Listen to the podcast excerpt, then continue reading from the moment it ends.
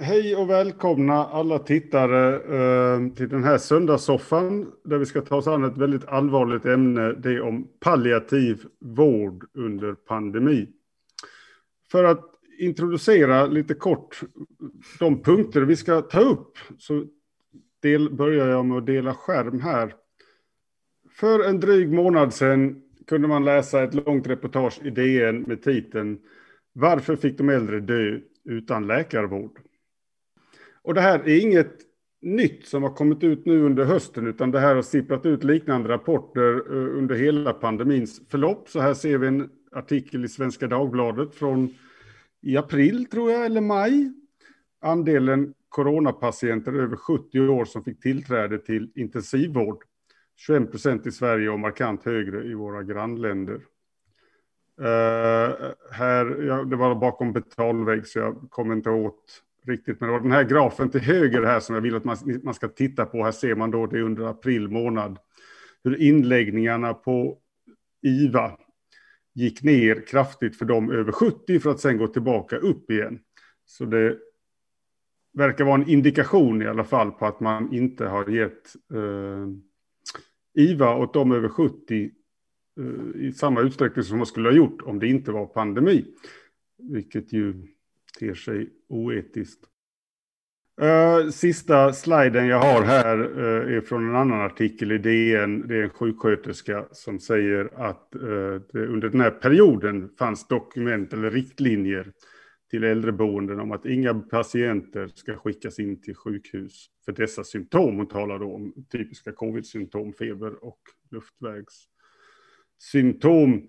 Eh, för mig som privatperson och matematiker ska sägas, uh, överhuvudtaget inte insatt i det här så låter ju det här chockerande och mycket allvarligt och, jag har svårt att förlika mig med att det skulle vara på det här viset. Men som sagt, eh, jag kan ju ingenting om detta så därför har jag idag bjudit in Sture Eriksson, docent i geriatrik, sa jag rätt? Ja. Och eh, Ingmar Skog, professor i neurokemi. Nej. Nej. Jag är professor i psykiatrisk epidemiologi och föreståndare för Centrum för åldrande och hälsa vid Göteborgs universitet. Då fick jag det helt om bakfoten. Men eh, tack så jättemycket för att ni har valt att delta. Vi, vi ska försöka reda ut lite i, i begreppen här och vad, vad som har hänt och eh, även prata om saker som hur kan man som anhörig till någon på ett äldreboende som står upp för den personens rättigheter och så. Eh, ska vi börja med bara lite reda ut begrepp här. Eh, geriatrik, vad är det för någonting, Sture Eriksson? Ja, jag kan börja med geriatrik och geriatrikbegreppet. Geriatrik per definition är läran om åldrandets sjukdomar. Till skillnad från gerontologi som är läran om åldrandet i vidare mening och psykogeriatrik som ju har varit min profil sedan många år tillbaka. Det handlar då i första hand om de kognitiva sjukdomarna eller demenssjukdomarna. Och de är ju vanliga i åldrandet, men de är också av den karaktären att de finns även i lägre åldrar. Så att vi brukar, det hör till geriatriken här i Umeå, men tittar man runt om i världen så kan det vara neurologi ibland, det kan vara andra specialiteter också, men de kognitiva sjukdomarna och psykogeriatrik är mitt specialfält. Jag har ju intresserat mig för de här frågorna i lite andra perspektiv också, men det är en utvidgning. Men då har vi klarat ut vad geriatrik är, vad gerontologi är och vad psykogeriatrik är för någonting. Ja, och då hoppar vi över till Ingmar Skog här. Eh, Eh, psykiatrisk epidemiologi, var det det du sa? Ja, eh, epidemiologi, det är ju det alla man brukar säga det att vi epidemiologer har äntligen blivit inne. Folk kan använda och säga att man är epidemiolog när man är på Tinder och liksom svaren öses över dig. Men alla vet inte vad en epidemiolog är. Och eh, epidemiologin, det är alltså så att den kommer traditionsenligt från infektionssjukdomarna, alltså typ covid-19 och liknande. Men epidemiologin kan man säga att har ett slags helikopterperspektiv. Så att vad vi tittar på är dels utbredning av olika sjukdomar och dels faktorer som påverkar olika sjukdomar och eh, också vad konsekvenserna av de här sjukdomarna är. Så du kan säga att är du epidemiolog, eh, och jag sysslar då man kan säga med åldrandets sjukdomars epidemiologi numera, även om jag är psykiatriker från början. Eh, så då tittar vi på demenssjukdomar, jag tittar mycket på psykiska sjukdomar, men vi har också börjat titta på hjärt-kärlsjukdomar. Åldrandet i sig kan man säga, hur åldrandet förändras på olika sätt. Och vi har ju bland annat tittat på att en 70-åring idag är som en 50-åring för 30-40 år sedan. Alltså vi ser att folk blir mycket piggare än vad äldre idag är en helt annan typ av personer jämfört med vad det var för 30-40 år sedan. Men epidemiologer, då kan man säga att man sysslar just med risk och konsekvenser och utbredning av sjukdomar. Och det gör det att man kan yttra sig om rätt mycket som har med covid-19 att göra, trots att man kanske inte kan så mycket om hur virusen egentligen ser ut och sådär. Då kan det vara intressant. En mm. liten omständlig förklaring på vad det hela är. Men det kan vara intressant att ställa det i kontrast till vad geriatrik är. Geriatrik har ju fokus på den enskilda patientens diagnostik, vård och behandling. Så det, det är liksom skillnaderna. Ja, epidemiologi. Jag, jag har intresserat mig nu för matematisk epidemiologi och, och kopplat till differentialekvationer och så. Men det är ju tanken att det här är något som är smittsamt. Du sprider det. Så epidemiologi för psykisk ohälsa känns det som en lite annorlunda matematisk modell får man ha i alla fall. För det är väl inget som... Nej, alltså grundprinciperna i epidemiologin är samma. Så att vad det handlar om också är att liksom i ett väldigt dynamiskt förlopp som en befolkning är, inte bara liksom se samband utan också fundera på saker som kan ha med de här sambanden att göra. Så att det här med att om du ska titta på en sjukdom som sprids eller vad risken är i den äldre befolkningen, då kan man även som liksom epidemiologi som inte är expert på infektionssjukdomar uttala sig utifrån de resultat eller de siffror som kommer fram. Mm.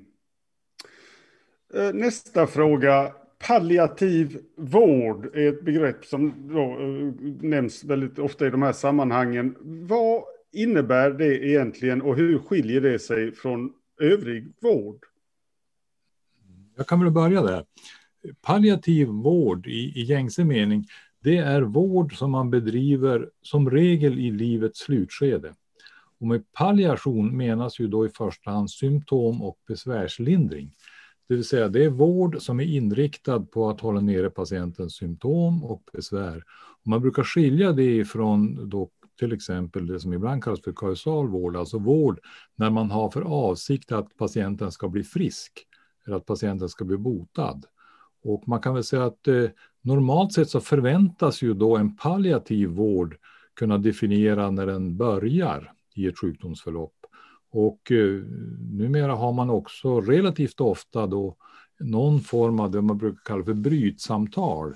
När man så att säga ser att det är ett sjukdomsförlopp som nu har en sån situation att det finns egentligen ingen anledning att fortsätta med behandlingar med avsikt att ta bort eller helt eliminera sjukdomen, utan istället gå över i en fas då man så att säga med olika tekniker och metoder lindrar patientens lidande och eh, det vanliga är ju då naturligtvis att en palliativ vård så småningom avslutas med att patienten avlider.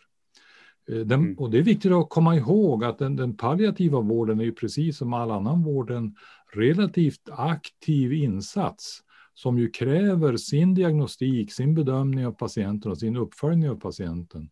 Och det är på inget sätt så att i begreppet ligger att man ger upp patientens vård, utan att patienten ska ju fortsatt ha vård och fortsatt ha kvalificerad vård. Men inriktningen blir annorlunda när den är palliativ jämfört med tidigare skede av sjukdomen. Så det är väl så att säga den gängse definitionen av palliativ vård. Men då blir det ju väldigt intressant här. Du sa att det här är inte att man ger upp på patienten. Eh, men det slutar oftast med att, patienten avlider. Men just med covid-19 som är en ehm, infektionssjukdom som sätter sig i lungorna. Så det, har det figurerat mycket i media i alla fall, det faktum att i, i palliativ vård så ingår morfin som en naturlig ingrediens till smärtlindring. Du kan göra det, men det är ju inte nödvändigt. För, för det är det som har dykt upp mycket i media, att äldre har fått morfin och att eh, just i kombination med covid-19 så ökar detta risken att man avlider. Mm, ja, så är det ju.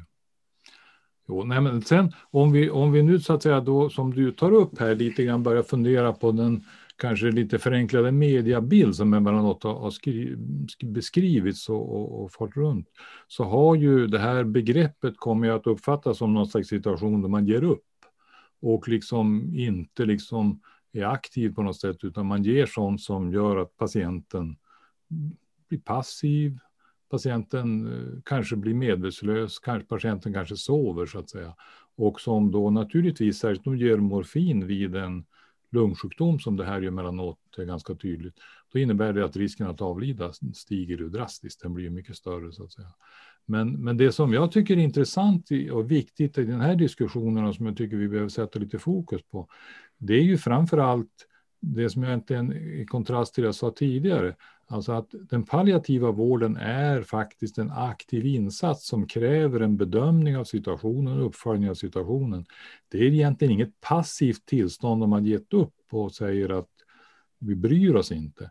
Det som mm. har framkommit i media och som väl kanske ändå finns anledning att diskutera, det är ju en ganska tydlig bild av att i många fall har den palliativa vården inletts utan att man har gjort en noggrann bedömning om patienten är faktiskt i det läget. Vi ser berättelser där det ja, nästintill har framhållits att det har utgått administrativa riktlinjer att ge pal palliativ vård eller den här typen av vård så att patienterna inte kommer till sjukhuset och inte stör.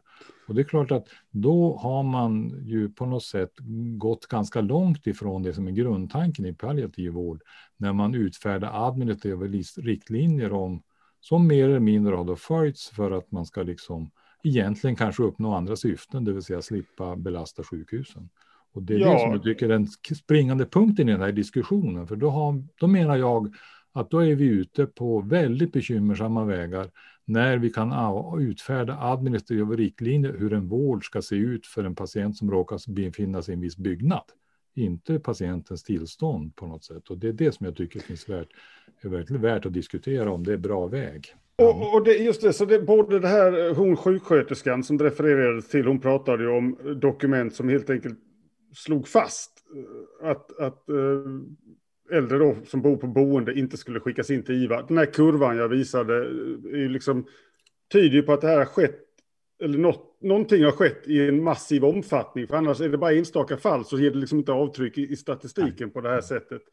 Eh, eh, men, men jag vill ändå ställa, och även Sarenbas artikel handlar ju mycket om att det fanns riktlinjer som man sen tog bort och så ersatt med nya dokument som man liksom, han fick bedriva något detektivarbete för att hitta vad var egentligen riktlinjerna under april-maj. Mm. Eh, men jag ställer ändå frågan explicit, alltså, kan vi säga att detta har skett? i en eh, viss omfattning eller i hur stor omfattning? Ja, lite löst så. Alltså, alltså om vi nu ska prata siffror kan, kan ju ingen ha en uppfattning, men, men jag tror att det, det, vi, har, vi har tyvärr väldigt svårt med rådata. Alltså vi har svårt med siffror som faktiskt exakt belyser det här. Det, det tror jag nog. Men det jag tycker vi ändå behöver poängtera i det du säger, och det är att vi kommer nog inte undan att det har utgått administrativa riktlinjer hur läkare ska bete sig och även sjuksköterskor i relation till patienter som är, är sjuka och i det här fallet även svårt sjuka. Jag vill påminna om att ur läkaretisk synpunkt så är ju faktiskt det primära att varje patient behandlas i enlighet med vetenskap och berövad erfarenhet. Det vill säga, det är en situation då läkaren med sin kunskap, sin erfarenhet och sin bedömningsförmåga applicerar vetenskap och beprövad erfarenhet på patientens aktuella situation. Och ur läkaretisk synpunkt är en grundbult i hanteringen av patienter.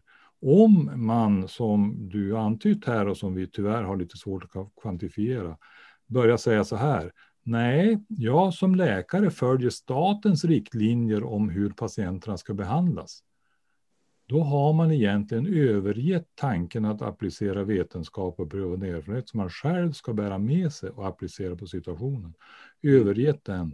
Och jag hävdar, vilket jag har skrivit i artikeln också som du kanske såg, att när man, när man använder den typen av princip då överger man den klassiska läkaretiken som etablerades redan på Hippokrates tid, som ju faktiskt var väldigt tydlig i det avseendet att läkaren ska inte följa så att säga, statens direktiv när det gäller vården av patienten.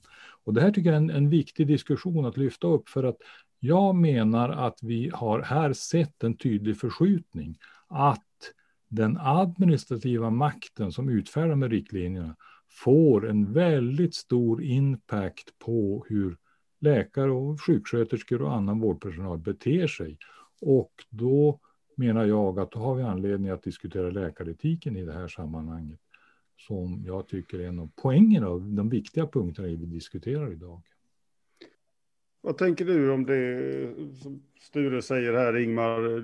Du är överläkare också. Jag hoppas jag fick det rätt. Ja. Eh, ja, alltså jag håller med Sture om detta. Det här är ju självklarheter. Jag tror att vi, eller självklart, det har inte varit det helt och hållet i diskussionen. Men tidigt i pandemin och när vi hade den enorma ökningen av antalet avlidna och så vidare, så var det ju ganska mycket panik. Man trodde att hela sjuk... Om man nu ska försvara det här, vilket man egentligen inte ska, men jag tror vi måste se den situationen som var väldigt tidigt, att det skedde en massa olika panikåtgärder. En annan sak var ju att man inte hade med några äldreexperter överhuvudtaget i diskussionerna, trots att det väldigt tidigt stod klart att den äldre befolkningsgruppen var de som drabbades mest och framförallt kanske folk som var på äldreboenden eller inom hemtjänsten. Och det gjorde att det blev en väldig massa konstiga eh, saker som kom ut, att äldre var så drabbade att de skulle inte riktigt behandlas, man skulle inte ta in, man skulle inte ge så individuell behandling. Och det här att man inte gjorde individuella bedömningar om nu någon skulle ha en palliativ vård. Det tror jag att alla idag är eniga om att det var väldigt, väldigt fel. Men det skedde i, tidigt i den här pandemin. Nu tror jag att det är bättre, det är ingen som riktigt vågar göra det här. Men i, det är inte bara journalister som har funnit det här, utan också Inspektionen för vård och omsorg har ju också poängterat att på många håll så skedde det här. Så att det, och det skedde i allt för många olika sammanhang. Sen när vi pratar om palliativ vård, jag vill bara komplettera det som Sture säger här. Det är ju så att det kom ju från början från cancerbehandling. Och det handlade ju då om att när man bedömde då att det inte fanns någon möjlighet att man skulle överleva, då ville man också göra så att man, eftersom cancer ofta kan vara kopplat väldigt mycket till smärta och olika andra väldigt obehagliga symptom, så införde man det då att man skulle jobba på att få en behandling som kanske inte handlade om att man skulle överleva, men man skulle minska lidandet. Sen är det också så här, jag har ibland varit lite förvirrad, för jag har varit med i en del diskussioner i radio och annat, där jag har hamnat diskutera med folk som är mera specialister i palliativ vård. Och vad som tydligen har skett, det kom en artikel från Läkartiden nu nyligen, det är att man vill utvidga det här begreppet till att inte bara handla just om det här livets slutskede, utan att det överhuvudtaget ska handla om att ge en vård som man lider så lite som möjligt av. Men det som jag tycker har problem, för att det är också, det är inte bara de här administrativa sakerna som har skett och att inte man fått en individuell behandling, utan det är också det att man lagt in så här, ett palliativt synsätt på en sjukdom som är en infektionssjukdom där man antingen överlever eller också dör man. Och den är två, tre veckor, den kanske håller på som högst. För äldre personer på äldrevård så är det ofta kortare. Man avlider ju ofta i den här första fasen så att det kanske är en eller två veckor det handlar om. Och att då börja prata om palliativ vård, där det är helt klart att man har fått morfin i väldigt hög utsträckning. Jag har till och med varit med i diskussioner där, jag måste säga första gången jag var med i den diskussionen så hoppade jag till, för i min värld, när jag lärde mig medicin så var det att man absolut inte skulle ge morfin till folk som hade lunginflammation. Eh, men det har alltså getts och det har getts även olika sådana här psykofarmaka, väldigt ofta Haldol, för att människor då ska kunna få dö i så lugn och ro som möjligt. Men jag har väldigt svårt att se att man ska ge palliativ, att man sätter in och bedömer ett slags brytsamtal i en infektionssjukdom som egentligen ingen vet hur förloppet är. Och där det är två, tre veckor. Jag tror att de flesta av oss är beredda att ta ganska mycket plågsamma behandlingar om vi vet att det inte kommer att hålla på mer än två, tre veckor och vi har en hyfsad chans att överleva. Om det sen är en chans på tusen eller en chans på tiotusen, det kanske kan vara individuellt vad man väljer. Men här är det ju, och det, det är ju så faktiskt att 60 procent minst av de som bor på äldreboende som blir smittade har ju faktiskt överlevt dessutom. Mm. Så att det här att lägga in den typen av palliativ tänkande, att man bara ska liksom tänka på att man mer tänka på att man ska minska lidandet jämfört med att man ska se om folk överlever. Det har jag väldigt svårt att förstå faktiskt. Men då kommer vi tillbaka till det där brytsamtalet. Som, som alltså som jag förstår det så är det ett samtal där patienten då har en diskussion med sin läkare om man ska inleda eh, en behandling som, som leder till att livet avslutas eh, inom... Ja, inte, inte bara, utan du ska även ha ett samtal med anhöriga och närstående. Helst ska man ju ha med alla samtidigt. Va? Och det har ju uppenbart inte skett i många fall. Utan ja, här har man tagit det här. Nej, men jag tror att det är viktigt att påminna om det Ingemar säger. Alltså att, att den palliativa vården brytsamtal, det kommer från cancervården. Det är där mm. det hör hemma på något sätt. Eh, om du tar, som du nämner, infektionssjukdomar så blir det ju väldigt knepigt om man ska försöka sig på något slags brytsamtal. Det, och särskilt i så korta förlopp som det här ju handlar om.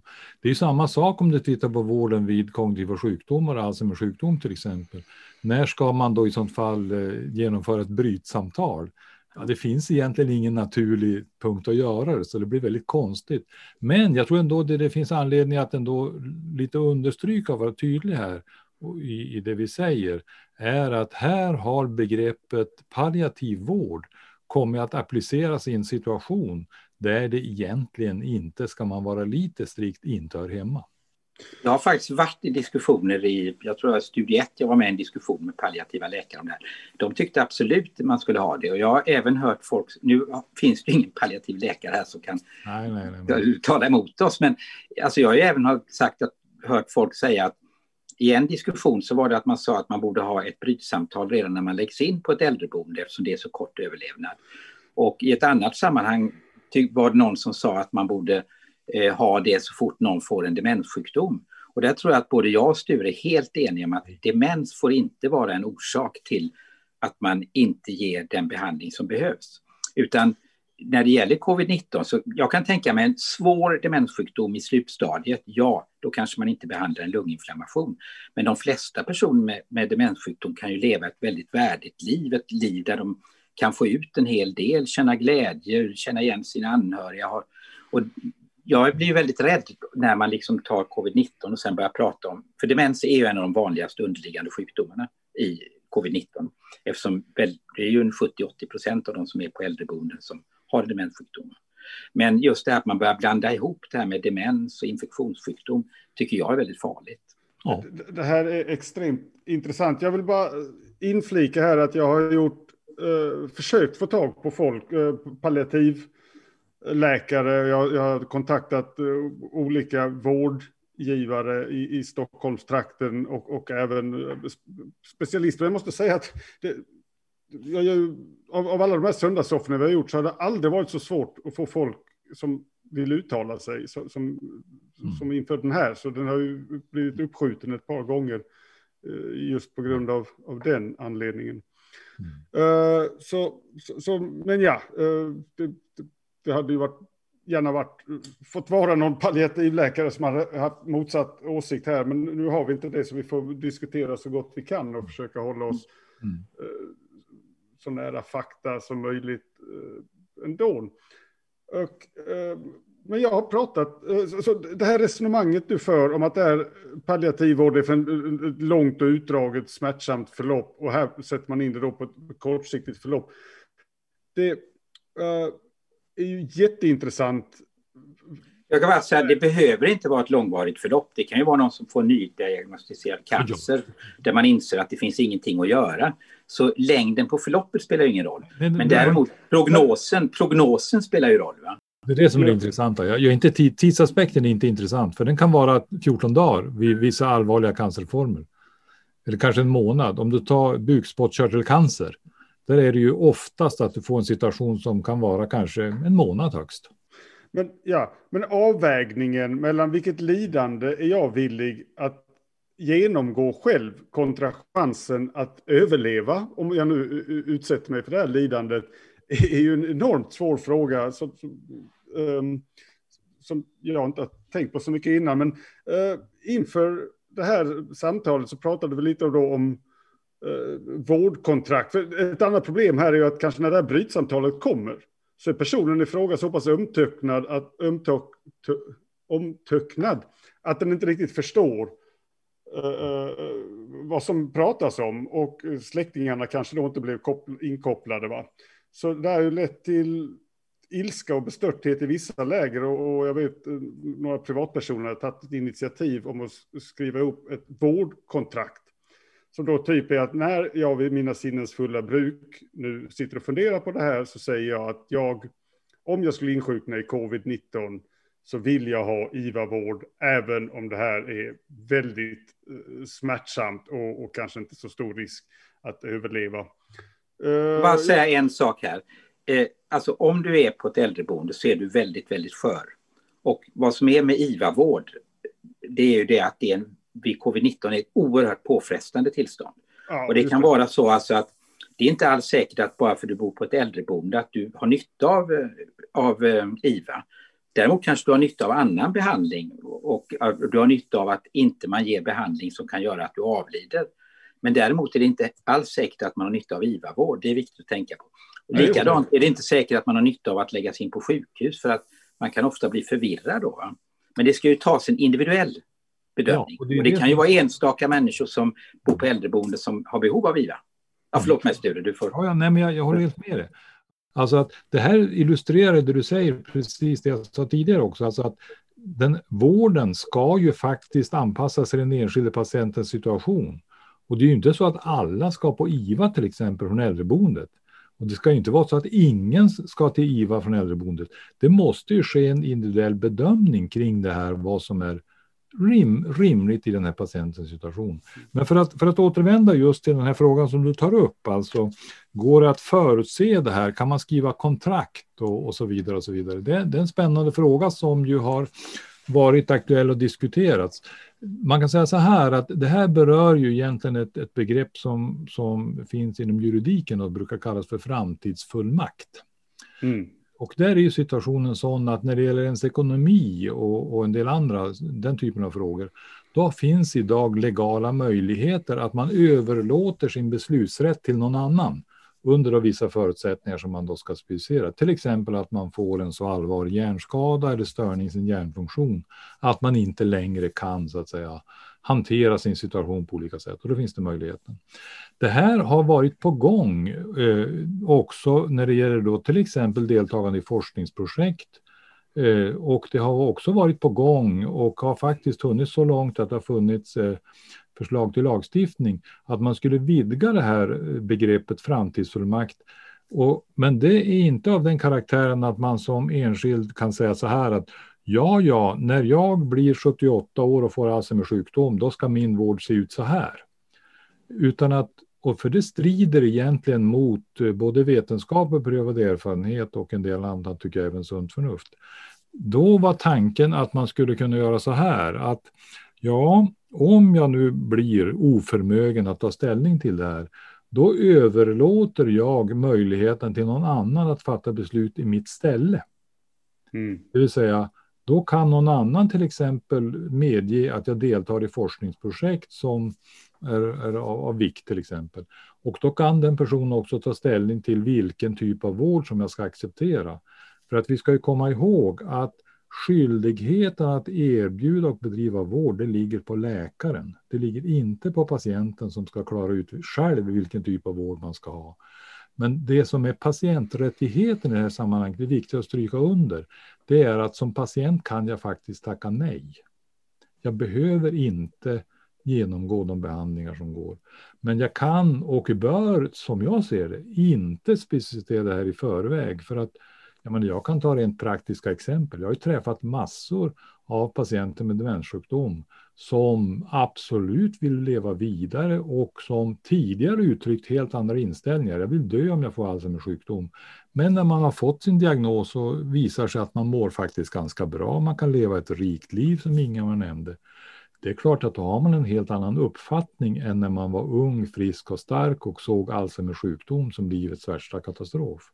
Och det här tycker jag är viktigt att komma ihåg. Läkaren har ett ansvar att bedriva vård i enlighet med vetenskap och beprövad erfarenhet. Patienten ska ha en rimligt god information anpassad till sin situation och patienten ska också ha reella möjligheter att faktiskt tacka nej till en vårdsituation som man av olika anledningar tycker man inte behöver. Och det ska ju också ske utan att man uppfattar att man blir straffad på något sätt. För att det, man kan ju också börja tänka tanken om jag inte ställer upp nu på det här förslaget så blir jag straffad. Och det är viktigt då som läkare att också lägga sin information och vara tydlig att det här, det här är det som jag bedömer att är bäst i din situation utifrån kunskap och erfarenheter. Men det är ju din sak att avgöra det här. Vad som är viktigt att komma ihåg i den här diskussionen, det här blandar man ibland korten. Det är inte så att den här rätten automatiskt övergår till anhöriga. Tittar vi på principerna i svensk sjukvårdslagstiftning så är det faktiskt patienten som, den är alltså autonom som man brukar kalla så autonomt präglad. Det är patienten som ska ha information och det är patienten som kan uttrycka sin vilja. Medan däremot kan man hämta information från anhöriga, men anhöriga kan inte ha ett avgörande inflytande över hur patienten ska, vård ska se ut om man ser till gällande rättsprinciper. Och det är viktigt att komma ihåg. Jag tänker på en sak som du sa här Sture som, är väldigt, som också kan vara viktig. Dels, eller som är viktig, det är ju det här att man ändrar sitt perspektiv. Det man tror att man många år innan skulle, inte skulle vilja leva med visade sig när man väl kommer dit. Jag menar, många ja, mina studenter skulle säkert tycka att om de hade den konditionen jag har, trots att jag springer 6 kilometer några gånger i veckan, eh, så skulle de tycka att det inte var värt att leva. Men man lär sig liksom att leva med dem med sitt åldrande och så. Men det finns en fara också inom medicinen och det är att det finns, alltså in, bland våra läkared, det är ju det här att vi ska arbeta enligt vetenskap beprövad erfarenhet, men också att vi inte ska ge ett onödigt lidande. Och det här kan ju tolkas olika av olika läkare. Och här kan det också vara risken att många läkare är yngre och då tycker de att en sån här som en person som har demens, det är väl inte värt att leva. Då kanske den här lunginflammationen rädda dem från att fortsätta ha ett lidande. Mm. Och eh, det finns ju en fara i att vi som läkare tar och bestämmer över, folk, vad, över vad folk tycker är ett liv värt att leva. Och jag tror att där har vi en risk alltså inom medicinen idag. Både att vi kanske överbehandlar men också att vi underbehandlar för att man tycker att äldre människor ska inte behöva lida eller att personer med demens ska inte behöva lida av, av behandling då som är lider. Då, då ger man något lugnande istället för att man ska få dö i lugn och ro. Ja, det finns en fara här tror jag. Ja, och då applicerar man ju principer ifrån en helt annan livssituation på en åldrande situation till exempel. Och det, ja. det är oerhört viktigt, du säger, att påminna om att man kan inte applicera så att en ung, frisk, stark akademikers synsätt på en äldre person med demenssjukdom. Du kan inte utan vidare överföra det så att säga. För att värdet i livet ser helt olika ut, precis som du illustrerar. Och sen tycker jag att vi lä läkare får inte liksom bestämma vad, alltså som Sture sa här förut, som läkare är det ju den, läkaren är ju den som bestämmer behandlingen. Men det är ju väldigt viktigt att vi inte undviker att ge en botande behandling bara för att vi tycker att människans livssituation eller andra sjukdomar är på sådant sätt att man inte ska behandla. För det ska ju egentligen bara patienten bestämma. Som patient ska du kunna bestämma att det här tycker jag är ett liv som är värt att leva. Jag är beredd att ta en smärtsam behandling även om jag har lite minnesproblem eller mm. även om jag har andra problem på grund av olika saker. Så att det här att men, patienten ska bestämma är otroligt viktigt tycker jag. Men, men, där är man ju otroligt utlämnad som individ. För om läkaren säger jag tror det här blir bäst för dig och om man dessutom inte är riktigt uh, pigg. Va? Mm. Uh, uh, ja, så, så, nu har jag många trådar här. Um, jag kommer bara avsluta det här med vårdkontrakt. För det pratade jag med, med läkare då som var direkt var skeptiska med, med, liknande motivering att det här är så svåra beslut så du kan liksom inte se in i framtiden. Alltså att avsäga sig, det var en, en läkare som sa att avsäga sig palliativ vård för att, för att man har en sån liksom stark livslust då när, när man skriver på pappret. I, i, alltså, han sa, jag tror inte någon förstår hur smärtsamt det kan vara att inte få palliativ vård och att ingen skulle liksom vilja på förhand skriva under att det där vill jag inte ha. Nej, men det är ett konkret exempel av det vi har sagt. Man, man är i olika situationer i olika delar av livet och man gör olika värderingar. Och det går inte att förutsäga när du är ung, frisk och stark hur du kommer att se på din livssituation när du är uppe i till exempel högre åldrar. Så det är, Men så sa ni också... Att... Jag kan bara säga en grej. Jag, jag hade en, alltså, en grej som du kan tänka dig är att säga att du har en som har en allvarlig sjukdom med massa smärta. Den kommer inte kunna botas. Men barnbarnen ska ta studenten om tre månader. Då kanske man är beredd att få se när barnbarnet tar studenten och ha en massa smärta på grund av det. Eh, mm. En av de saker som jag lärde mig väldigt mycket om när jag skrev min avhandling, jag intervjuade bortåt 585-åringar. Och då kunde man komma hem, jag var i 30 år. Och det var väldigt hög ålder, 585. 85, ja, 585, alltså 500 stycken 85-åringar för att göra det klart. Så ingen missförstår någonting. Men, men i vilket fall som helst så var det så att vi frågade om massor med saker, till exempel om man var trött på livet och liknande. Och då var det flera gånger man, jag kom hem till sådana som jag då som 30-åring tyckte att de inte borde ha så mycket att leva för. De kanske låg i sängen, de var värkbrutna, de kunde inte komma upp. Men det typiska svaret du fick, det var det, jo, men visserligen har jag ont i hela kroppen och visserligen kan jag inte röra mig, men jag vill veta vad som ska hända med mina barnbarn. Jag vill veta vad som ska hända med världen. Man hade fortfarande en nyfikenhet. Det här kan ju vara individuellt, det kan vara andra som inte vill leva i den samma situation. Men det gav mig en tankeställare det här att man ska inte som läkare bestämma vad, folk, vad som är livskvalitet för människor. Och där kommer vi då in på det här brytsamtalet som är avgörande. Det här ska alltså personen själv ta ställning till.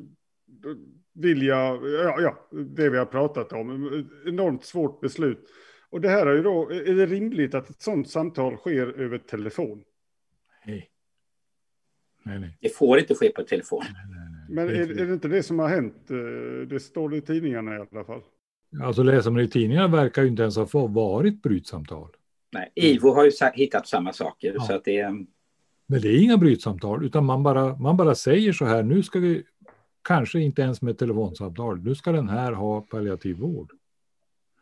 Sannolikt har det hänt, vilket ju IVO som du säger har påmint om, bara att man har fått ett positivt svar på eh, ett covidprov och har symptom, då säger man ja, ja, men riktlinjerna, de administrativa riktlinjerna, då kör vi palliativ vård. Och så gör man det. Och det är långt ifrån brytsamtal och den ursprungliga tanken med palliativ vård.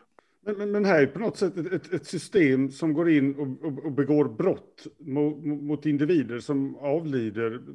Alltså, är IVO färdig med sin undersökning eller det, pågår den fortfarande? Den ska komma, jag sitter med i någon referensgrupp där, den ska väl komma i eh, december tror jag. Ja, eller den ska komma ganska snart. Uppföljningen av det här är ju inte klar. Nej, nej, nej. Och den här beramade kommissionen som ska lösa alla problem, den har väl ännu längre tid på sig tror jag. Nej, så här är det. att Jag tror att IVO skulle komma med, med sitt alltså, utlåtande om de här med äldreboendena nu i typ december eller något sånt där. Och Coronakommissionen kommer med sitt utlåtande om äldreboenden. Det har de fått lite förlängt så det ska komma i december.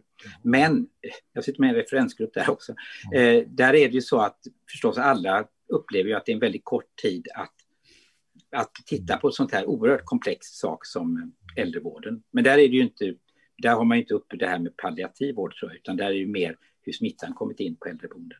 Ja, ja, men det, de, de, jag menar på så här korta tid, så då, jag menar, det, det blir annat de får klara i sånt fall. Det, det, ja. nej, men jag tror att de här frågorna ryms inte. Nej, det tror inte jag heller. Mm. Däremot IVO kommer förstås att ta upp det eftersom det var en del av anmälningsgrejen att man inte mm. att man liksom bestämde vård utan att träffa patienten. Ja, utan att ha ett ordentligt underlag för det egentligen. Alltså, ja.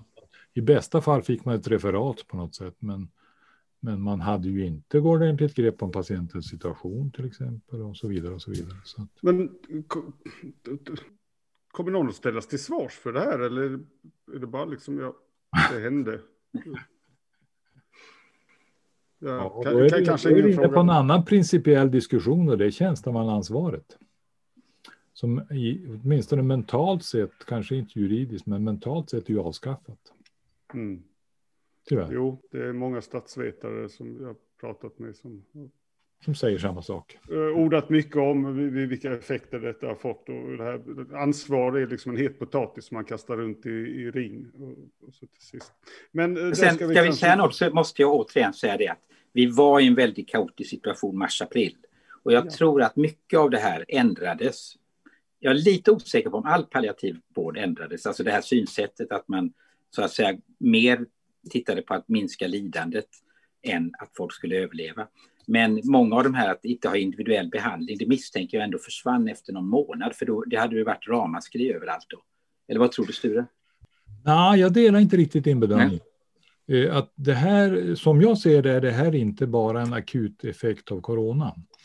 Vi har, tycker jag, alldeles uppenbart de sista decennierna haft en väldigt tydlig trend mot att det går mer och mer mot att läkare förväntas följa de administrativa och statligt fastlagda riktlinjerna. Man ska följa vårdprogram, man lyssnar på den typen av inflytanden. Och samtidigt, som jag var inne på tidigare, man tonar ner det egna ansvaret att faktiskt tillämpa vetenskap och berövad erfarenhet på den aktuella patientens situation. Och det här är en trend som har varit och det som då hände under det här mera kaotiska tillståndet, det var att då blev det här ju riktigt manifest. Men jag tycker att vi har redan tidigare en väldigt tydlig sån kultur där kanske som jag ändå känner mer av och som vi har skrivit lite av i våra artiklar också, att yngre läkare är av någon anledning i en situation där de är mera känsliga för den här typen av administrativa och statliga ingripanden, det vill säga den administrativa makten får en större, betydligt större makt på bekostnad av den professionella makten i det här sammanhanget. Och det är en trend som vi ser och som jag tycker kanske egentligen när corona också har satt blixtljuset på och mm. strålkastarljuset på vad det här kan innebära. För att jag vill ändå påminna om, även om vi inte är riktigt där, men hela basen för, för etikprövningssystem, Helsingforsdeklarationer och så vidare och så vidare, hela den typen av etiska dokument, det har sin start under andra världskriget när ett antal kollegor helt och hållet ställde upp på statens synpunkter. Staten tyckte då att vi behöver bra utrustning för att rädda våra flygförare. Och för att få bra utrustning måste vi göra experiment. Och då gjorde man experiment som var jag menar, tekniskt sett faktiskt ganska bra. Enda vad som hände var att man iklädde judarna de här utrustningen, stoppade dem i isbad och såg hur länge det tog innan de dog. Det vill säga, då ställde man upp på statens villkor. Man behandlade inte den enskilda människan som en människa där, utan enbart som ett objekt för ett experiment. Och det var startpunkten för Helsingforsdeklarationen och alla de andra följddeklarationer vi har sett under åren. Det är också grunden för etikprövningsmyndighetens arbete och så vidare. Och därför tycker jag det här är en oerhört viktig och angelägen diskussion. Och jag delar inte, som jag sa, din uppfattning Ingemar, att det här var bara under akutskedet. Det här är ett förlopp som är mycket längre och som finns anledning att uppmärksamma. Ja, jag ska inte säga emot det. Jag tror att det, du kan säkert ha rätt i det. Ja. Ja. Verkligen intressant från min synvinkel att du tar upp det här. Så jag pratar ju med eh, folk från olika fält eh, i de här samtalen. Och det här är på något sätt ett återkommande tema som någon slags mekanisering av eh, yrkesroller i samhället, om det så rör rättsväsende eller annat, så ser man sig som en liten kugghjul i något större maskineri där det egna initiativ förmågan eller det egna tänkandet. Alltså på något sätt det, det är viktigare att, att man har följt protokollen än att det blir rätt utfall. Tycks vara en, en strömning som är ja. lite obehaglig. Som du... Men alltså bara konkret, hur ofta har vi inte hört när det händer något inom äldreomsorgen till exempel eller inom socialtjänsten? Ja, men vi har ju bara följt våra rutiner. Och vi ska se över våra rutiner så att våra rutiner blir bättre. Det finns inte en ansvarig människa, det finns inte en ansvarig läkare eller någonting sånt, utan det är rutinerna som det är fel på. Och jag tror att vi ska koppla på den diskussionen, det du antydde tidigare, det var nämligen få folk att få, få svårt att få folk att prata. Mm. Jag menar att den här trenden naturligen också kopplas till en tystnadskultur. För att om du höjer rösten eller du säger fel saker i en sån här situation, du säger saker och ting som inte stämmer med den dominerande makten, då tystas du.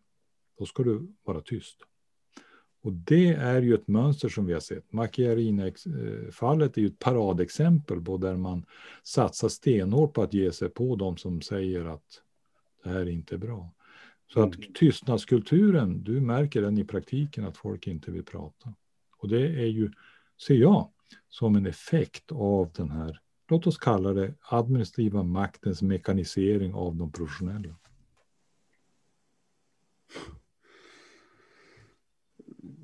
Ja, mm.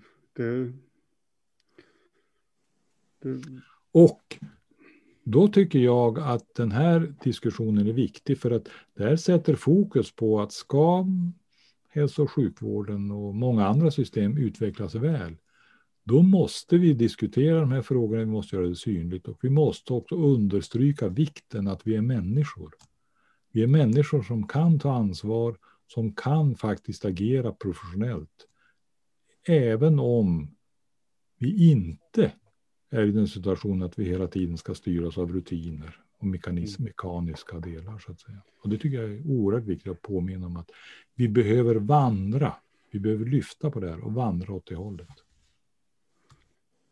Ja, det är äh, även den här sjuksköterskan äh, vars tidnings äh, utklipp jag hade uppe kort, hon hävdar ju själv att hon fick sparken på grund av att hon protesterade mot det är, vanligt, det är vanligt idag tyvärr. Och jag, jag pratar ju med uh, flera uh, uppsatt, högt uppsatta personer inom sjukvården tack vare då den här corona mm. aktivismen eller vad man ska kalla det jag håller på med, eller vi här i Vetenskapsforum covid-19 bedriver ju på något sätt, eh, inte, inte aktivism är helt fel ord, men alltså eh, vi analyserar pandemin och, och försöker nå ut med objektiv information. Och, som inte alltid stämmer överens med Folkhälsomyndigheten, så kanske man kan säga. Men så i, i det här arbetet har jag kommit i kontakt med, med jättemycket folk. Och det, det är ju då sådana enkla grejer som om enskilda arbetare då på sjukhus vill ta på sig en eh, ansiktsmask så, så dels blir de utfrysta, och, men även så har det då förekommit liksom att uh, hot om uppsägning, att du, du får ta av dig det där. Ja. Det var speciellt en, en, en kines vars eh, föräldrar i Kina var oroliga och skickade till honom då skyddsutrustning från Kina. Som mm. då jobbar på ett stort svenskt hushus, sjukhus. Mm. Som han tog på sig och gick till jobbet för att han ville skydda sig själv. Och det fick han ta av sig illa kvickt för att han jag skrämde upp patienten eller vad, vad det nu kan ha varit för motivering. Ja. Uh, ja, det är ju konkreta exempel på det vi säger. Tyvärr. Mm. Tyvärr. Ja. Uh, Okej. Okay. Därför, därför tycker jag din insats, Marcus, är spännande här. För det här behövs alternativa röster som hörs och syns. Mm. Jag brukar konstatera att jag är inte anställd längre, så jag går inte avskedad. Jag är fri att säga saker och ting. Ja, nej, även akademiker. Min pension kommer ändå. Precis. Mm. Uh, så, så, så, många kollegor som jobbar inom akademin, ett flertal av dem fick inte sina VR-anslag förlängda i år och det kan man ju det är givetvis naturligt att det sker, men om det sker för väldigt många kritiska röster på bred front så kan man ju fundera på det ja. kommer ja. sig. Men eh, ja, nu är jag kanske ute på lite för hal is. Eh, nej, det... jag, nej jag tror inte det. Alltså den, precis det här som du har illustrerat och som vi har illustrerat. Den här rutiniseringen, mekaniseringen och den administrativa maktens utbredande och kopplat till en tystnadskultur, det är ett oerhört viktigt område att lyfta på idag och att diskutera. För det är en, tycker jag, en, en väldigt bekymmersam utveckling som skapar stress. För det är klart att enskilda anställda i hälso och sjukvården som börjar känna det här att ja, men jag följer inte alla riktlinjer och vad är det för riktlinjer? Oj, oj, oj, har jag brutit mot riktlinjerna? Det skapar stress. Och det är det ena. Det andra är att när du får det här trycket på dig att du måste följa rutiner, du måste följa riktlinjer, du får inte göra något annat. Då går kreativiteten ner. Mm. Ja, absolut. vi behöver för att vi ska utvecklas både som vårdgivare och som samhälle så är det kreativitet. Och de här processerna menar jag är ju väldigt bra och tydliga på att kräva och kväva menar jag kreativiteten och det är en mycket kraftig negativ effekt av det här. Förutom den kroniska stress som det innebär för många vårdgivare och vi kan tyvärr konstatera att st kroniska stressbesvär är ju en kraftigt problem bland framförallt våra sjuksköterskor. Astrid Norberg och jag har gjort en del studier på det som vi har tittat på det här under åren. Det, det är tyvärr, tyvärr så att sjuksköterskorna som lever i den här situationen är bland de grupper som har högsta sjukskrivningsfrekvenser just på grund av de kroniska stresstillstånden. Och mm. det här som vi har diskuterat nu menar jag är en av de viktiga faktorerna i det här. Avprofessionaliseringen, låsningen till rutiner, inlåsningen, stressen att inte göra fel. Och säger du någonting, då blir du åthutad, precis som vi har illustrerat. Så det är en allvarlig och viktig diskussion. Ingvar Skog, kommentar? Jag har ingen direkt kommentar. Det är väldigt Nej, komplext. Jag, jag, kan koppla till det som du säger där. Nu, i, i, min yrkesroll, så innan jag undervisade ju då, förr i tiden så gick man och undervisade vid i tavlan och sen när man hade gjort det så var det en tenta och så skulle man rätta den och så skickade man runt en enkät också så de fick fylla i om de var nöjd med en eller förslag på förbättringar så var det liksom inte mer. Men nu det är det fler och fler sådana riktlinjer som är svåra att hålla koll på. Va? För, för du vet inte exakt, har jag, det kommer hela tiden nya liksom och, och, det ska göras på ett visst sätt. De här. Du, du, kan inte bara ge ut en lapp och be dem fylla i den och sen sitta och läsa vad de tyckte och tänkte om. om utan det, det är något protokoll som ska följas och det finns tidsramar och bla bla, men det finns ingen eh, liksom, tant som går runt och säger att du, idag ska du fylla i det där pappret, utan då, då, det leder till liksom en latent stress. Har jag levt upp till alla de här kraven nu, eller finns det något ytterligare papper som har kommit utan min vetskap som jag sen kan då belastas för att jag inte, eller så, någon, någon uppdatering av att så här ska mallen se ut det här året och så har man använt förra årets mall. Och, det tar mycket energi som ja. kunde gå till forskning. Det är ju väldigt mycket sånt, alltså det är ju på alla områden idag. Det är ju därför man inte hinner med i sjukvården. Att man har alla dessa olika saker som ska redovisas, som ska skrivas ner, formulär som ska skrivas ner. Man ska liksom fylla i allt för att om någonting blir fel så ska man kunna visa då att man har gjort det och så vidare. Så att det är alltså den här byråkratiseringen, att man gör mindre och mindre patientarbete och mer och mer olika sådana här fyller, fyller i olika sådana här enkäter och liknande saker. Jag har till och med varit med om någon gång när jag har fyllt i en lång enkät så kom det en, en uh, ny enkät där de ville att man skulle då svara på vad man tyckte om den enkät man fick innan. Och sen kom det då ytterligare en som frågade vad man tycker om den här enkäten som var om enkäten, den tidigare enkäten, för man vill kunna se om det är förbättring. Och sen kommer då administrationen och säger att de behöver mer människor nu för att enkät, vi måste ha fler människor som vad heter nu kan jobba med att enkäterna att enkäterna så att säga utvärderas och så vidare. Så att det blir ju mer och mer, alltså både på universitet och olika ställen så blir det ju mer och mer att du får uppgifter som inte egentligen har med din grundverksamhet att göra. Och då hinner man med mindre och mindre patienter. Och det, här, det här är ju egentligen ett uttryck för ett, en trend under de sista 30-40 åren som vi kallar för New Public Management. Det vill säga man tror att allting går att mäta, det är värdefullt det som går att mäta och så vidare. Och så vidare. Jag tänkte påminna om också att en, en viktig trend i det här som, som man kan lite sammanfatta de här resonemangen i. Och det är ju att tilliten går ner. Tilliten går ner dels till dig själv, för du pressas av alla med linjerna. Tilliten går ner till kollegor, till ditt team. Tilliten går ner till samhället. Och det här eh, tittar du på, som Ingemar nämnde, den konkreta forskarsituationen. Tilliten är så låg när du ska skriva ansökningar att det är nästan så att du ska tala om exakt vilka resultat du kommer att uppnå på en viss tid för att få din ansökan beviljad.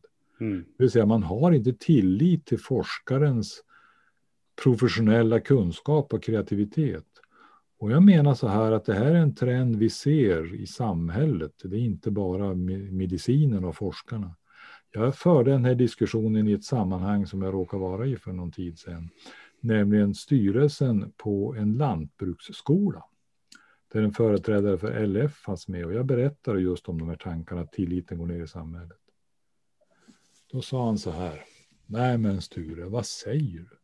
Du pratar ju om bönderna. Idag har det blivit så här att bönderna ska kontrolleras, de ska mätas, de ska fylla i blanketter i sån omfattning att de kan knappt längre sköta korna. Det tycker jag var en tankeväckare att det här är, det här är en utveckling som vi alla står i och tilliten när den går ner, ja då ökar den kroniska stressen och då ökar, det psyki, då ökar andelen med psykiskt dåligt välbefinnande. Och när tilliten går ner så går också kreativiteten ner. Och det mm. bara säga, skulle vi återkomma till palliativ vård? Ja. Jag tycker också det här är jättespännande. Men, Precis. men om de, de som eventuellt lyssnar på podden. Det här är, en egen, det här är nästan en egen, en eget podd. Ja, så snart hamnar vi på media också. Så, ja. så ja, sitter vi här hela kvällen. Just nu, de kan vi ta sen. Ja. Nej, det, det var precis det jag skulle inflika. Att nu har vi halkat in här på att diskutera system och struktur. Fel och väldigt långt från... Uh, så vi är inne i en andra våg. Uh, vad det nu berodde på, så fel begicks under uh, vårterminen här och förhoppningsvis så har mycket av det här rättats till. Och det, men det vet man ju inte. Och då, då är nästa fråga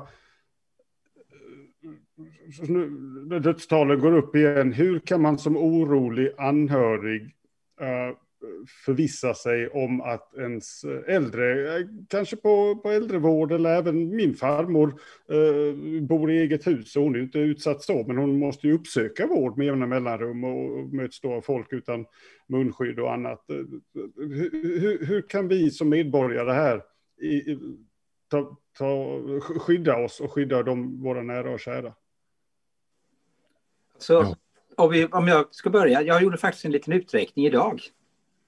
För, av ett helt annat skäl. Eh, jag tittade på alla dödsfall från mitten av november till mitten, eller mitten av no oktober till mitten av november, alltså det som skulle vara andra vågen. Mm. Och eh, tittade då på hur många som var på äldreboende, hur många som var i hemtjänst och olika åldrar. Eh, på dem då, det är ungefär 285 personer som hade avlidit. Det här är Socialstyrelsens siffror. Och det märkliga är att det är fortfarande 90 procent av alla som har dött som är över 70 år. Det är mm. fortfarande 50 procent av alla som har dött som är på äldreboende. Det är fortfarande 25 procent av alla som har dött som har hemtjänst, alltså att 75 procent är inom äldrevården. Och det är ju totalt, av alla 70-plussare så är ju det en och en halv miljon. Men av de som är på, på, på äldreboenden så är det ungefär 88 000. Och sen är det ungefär 200-210 000 som har hemtjänst beroende lite grann på hur man räknar. Det är lite svårt att få fram exakta siffror där. Det är alltså en väldigt liten grupp som står för all dödlighet. Men det intressanta är att det är alltså exakt samma proportioner som det var i våras. Mm. Och eh, det här gör ju det, alltså dels är det så här att det är ju viktigt, man brukar prata om kollateraleffekter och det är ju faktiskt viktigt att din eller dina äldre föräldrar eller släktingar, att de faktiskt går på rutinbesök nu, för att nu har det här hållit på så fruktansvärt länge. Den andra saken är att nästan alla är ganska eniga om att det inte är besöken som drar in den stora smittan. Däremot är det kanske så att man ska vara försiktig med sina besök nu med tanke på att vi har en så stor smitta i samhället. Men den stora grejen som gör att du får in smitta, det beror ju på att du har väldigt mycket olika personal. Du har väldigt mycket vikarier, verkar kunna spela stor roll eftersom de går mellan olika ställen. I början av pandemin så hade du ingen skyddsutrustning egentligen.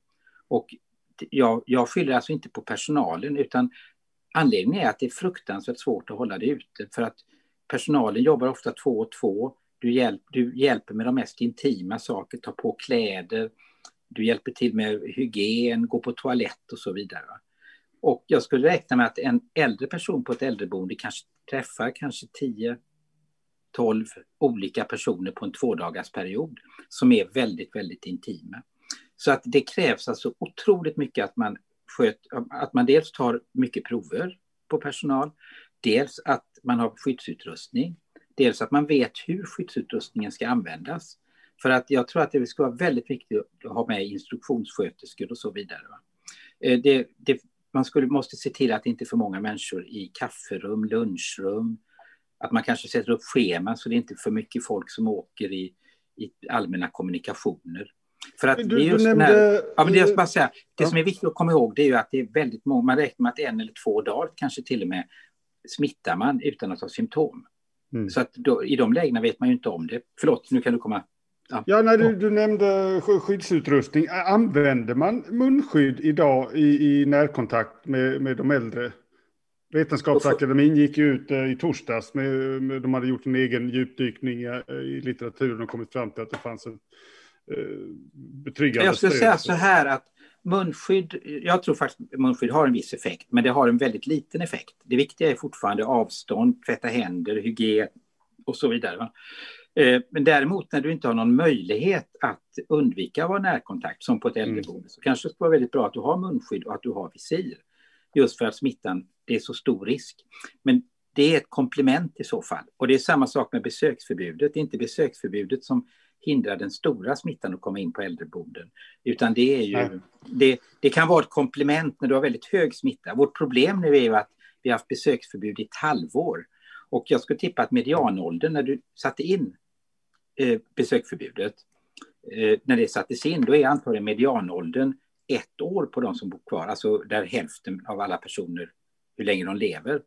Eh, men det innebär det att eftersom man redan nu liksom haft besöksförbud i sex månader, då blir det väldigt svårt rent eh, alltså att sätta igång ett besöksförbud igen, för de negativa effekterna blir så oerhört stora.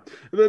Besöksförbudet tar vi separat ja. sen, för, för ja. det, det, är en e-, e egen historia. Men du får prata lite grann om hur man gör med sina anhöriga. Ja. Jag, jag tyckte ni, du, du, du, ställde en väldigt intressant fråga. Hur gör man som anhörig i en sån här situation? Mm. Hur, hur, ska man förhålla sig? Och då tänkte jag så här. Man, man, kan säga så här som jag var inne på tidigare. Jag menar, regelsystemet och sjukvårdslagstiftningen och hela rasket är ju väldigt autonomistiskt präglat. Det vill säga att det är bara patienten som finns. Och ska man vara lite, lite krass så finns egentligen inte anhöriga och familjen i, i, i det perspektivet.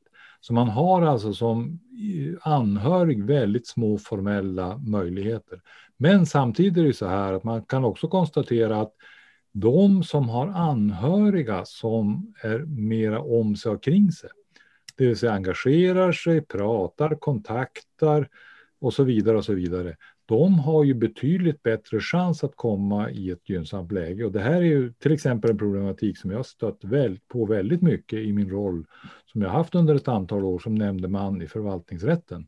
Och där kan man ju konstatera att de Eh, de anhöriga har ju ingen formell roll där naturligtvis, utan där förväntas ju patienten själv, även med Alzheimers sjukdom, ju, du förväntas tala, föra din talan i förvaltningsrätten och skriva skrivelser och allt det där. Men det innebär ju att det är de, de som har anhöriga som är om sig och kring sig som har en mycket större chans att få en gynnsam situation, både vad gäller en vårdsituation menar jag, men framför allt också ur den den rättsliga situationen, det vill säga förmåner och, och bistånd och på olika sätt. Så att mitt budskap är väl egentligen det här. Visserligen har man som anhöriga inte någon formell roll, den är väldigt liten. Men i praktiken har man en oerhört viktig roll att engagera sig i situation, prata med alla aktörer, prata med sina anhöriga, besöka dem så gott det nu överhuvudtaget går med alla, alla regler hit och dit. Så det är en väldigt viktig del i det hela. Mm. Samtidigt så tror jag att det gäller också att som anhörig komma ihåg att det är inte anhöriga som bestämmer. Det är socialnämnden respektive läkare respektive förvaltningsdomstolarna. Och, och, men de är ju också människor och påverkbara med bra argument och bra engagemang. Så det är mitt budskap till anhöriga. Engagera er, var med i processerna. Men kom ihåg att man måste faktiskt också spela efter spelreglerna om det, man ska vara framgångsrik. Mm. Men tänk också på det att du har ju rätt att ta med din anhörig på ett läkarbesök. Du har till och med rätt att gå ut med din anhörig för att det finns inga lagar som, alltså det är ju inte fängelsestraff de har fått. Utan man har ju möjlighet, och det är ju faktiskt så att det till och med är tveksamt om ett besöksförbud eller besöksstopp verkligen tillåter att man inte får träffa sina anhöriga på det egna boendet som man har. Va? Skulle man pröva frågan så håller det inte. Nej. Nej.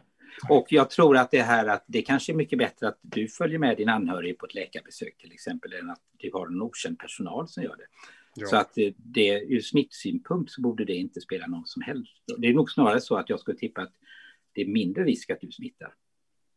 Då är, man om, så, är man om så kring sig som jag sa. Ja. ja. jag kan dela skärm här lite kort. Eh, det här är från en artikel i Dagens Nyheter. Jansson får närmast hota personalen på äldreboende innan det går med på att koppla in dropp och injicera blodförtunnande medicin. Det är någon som, då som har kämpat för mm. uh, faderns rätt till Uh, här är ett annat, det är från din artikel, Sture Eriksson, exemplet om den vältränade friska 81-årige mannen som nekades IVA-vård är välbekant.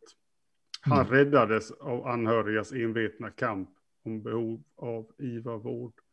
Jag, jag, pratade även med en jurist tidigare idag och han visade mig vad, vad lagstiftningen kring det här finns. Uh, om, om man är missnöjd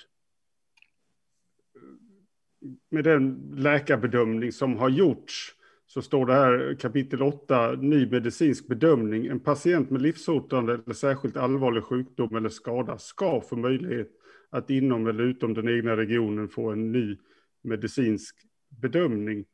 Eh, är det något man kan luta sig mot om man som anhörig upplever att, att ens äldre släktingar har fått fel ordination av läkare. Man har väl egentligen rätt med på en second opinion på alla livshotande sjukdomar faktiskt. Men ska det, bli, ja. ska det bli av, då måste anhöriga vara om så kring sig, det vill säga vara engagerade i frågan. Annars blir det inte. Och, och, en annan sak, eh, som du sa, eh, munskydd då kanske är perifert för det är så mycket annat som, som är viktigare. Men det här är lite typexempel så något som de är bra på på Folkhälsomyndigheten, är liksom att ställa saker mot varandra. Man, man, ska, man ska göra antingen tvätta händerna eller ta på sig munskydd.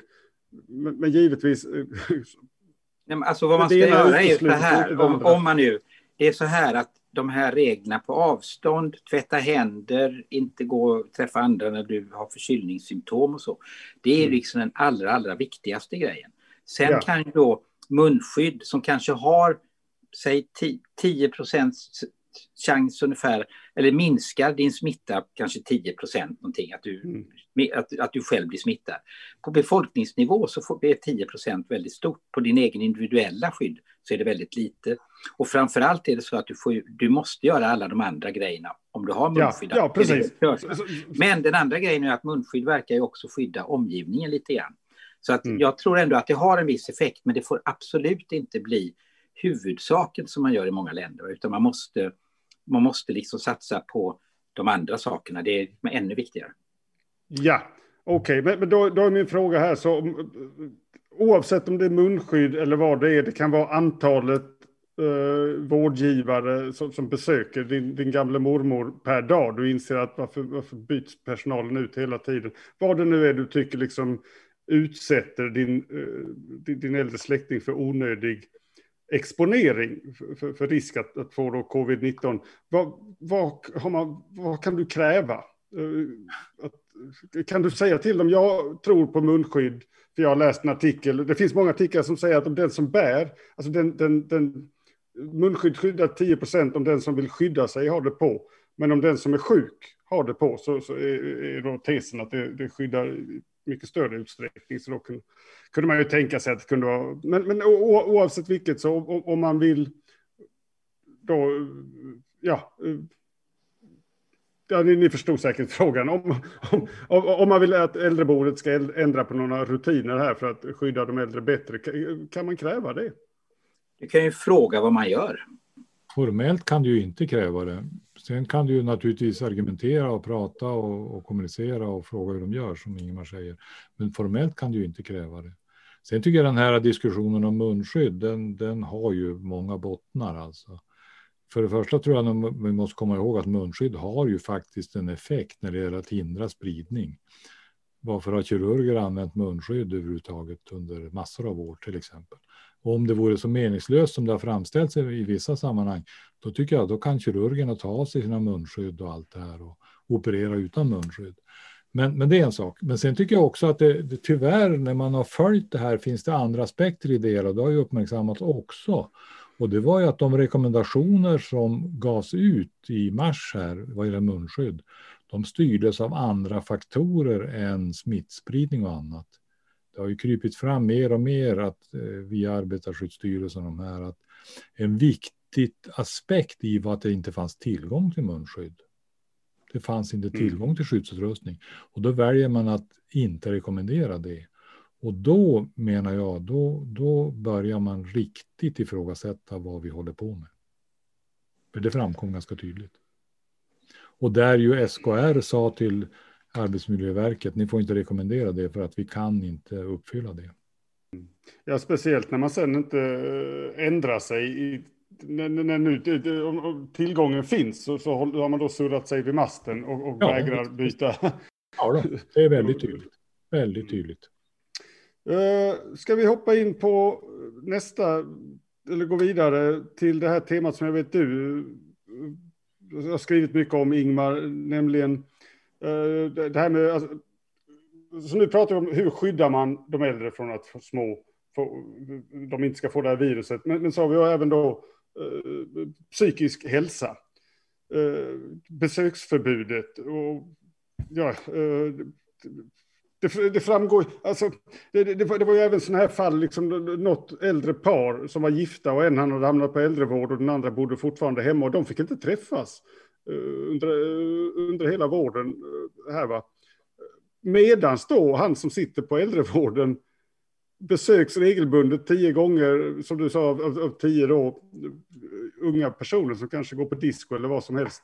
Ehm, ja, nu föregriper jag lite diskussionen. Vad, vad, vad, vad tänker vi om det här med besöksförbudet?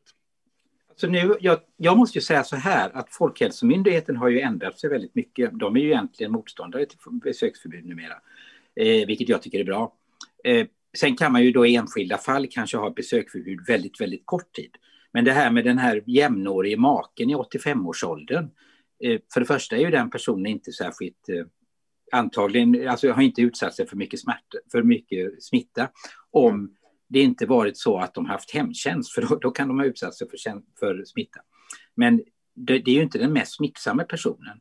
Eh, det andra är ju det här att den här personen kommer ju med all sannolikhet inte heller att gå och hälsa på om man har minsta förkylningssymptom. Dessutom är det ofta så att i den, den här typen av besök, de kommer, och det kan säkert Sture berätta mycket mer än jag, men där blir det ju ofta det att de är ju med sin partner kanske en stor del av dagen, vilket gör att de kanske kan göra att man inte träffar annan personal utan då hjälper den här partnern med olika saker om de liksom är tillräckligt pigga. Men nu har man ju faktiskt tagit bort det här. I de här nya förslagen om besöksstopp eller besöksförbud så säger man ju det att den en partner eller en gift eller en gift person som att de får kom, man får inte ha stopp, besöksstopp då för dem. Sen tycker jag att man kunde utvidga det till att ett barn kunde få hälsa på för de som inte har någon partner. För nu blir de utan partner väldigt eh, ensamma. Men jag, jag, tycker ju det, alltså de här, det var ju fruktansvärt att man höll på med det i sex månader. Hade man stoppat innan sommaren när smittan faktiskt hade gått ner, då hade man kanske haft mer utrymme nu att göra saker. Men vad säger du Sture? Nej, men alltså jag, jag, min reflektion kring det här är ju att det här är ett oerhört stort ingrepp i de enskilda människornas livssituation. Och jag känner mig ganska övertygad om att det här har kraftiga negativa effekter på social gemenskap och på, framförallt också på känslan av att man har kontroll över sin situation. Och, och, båda de här faktorerna är ju faktiskt väl kända starkt sjukdomsframkallande mekanismer.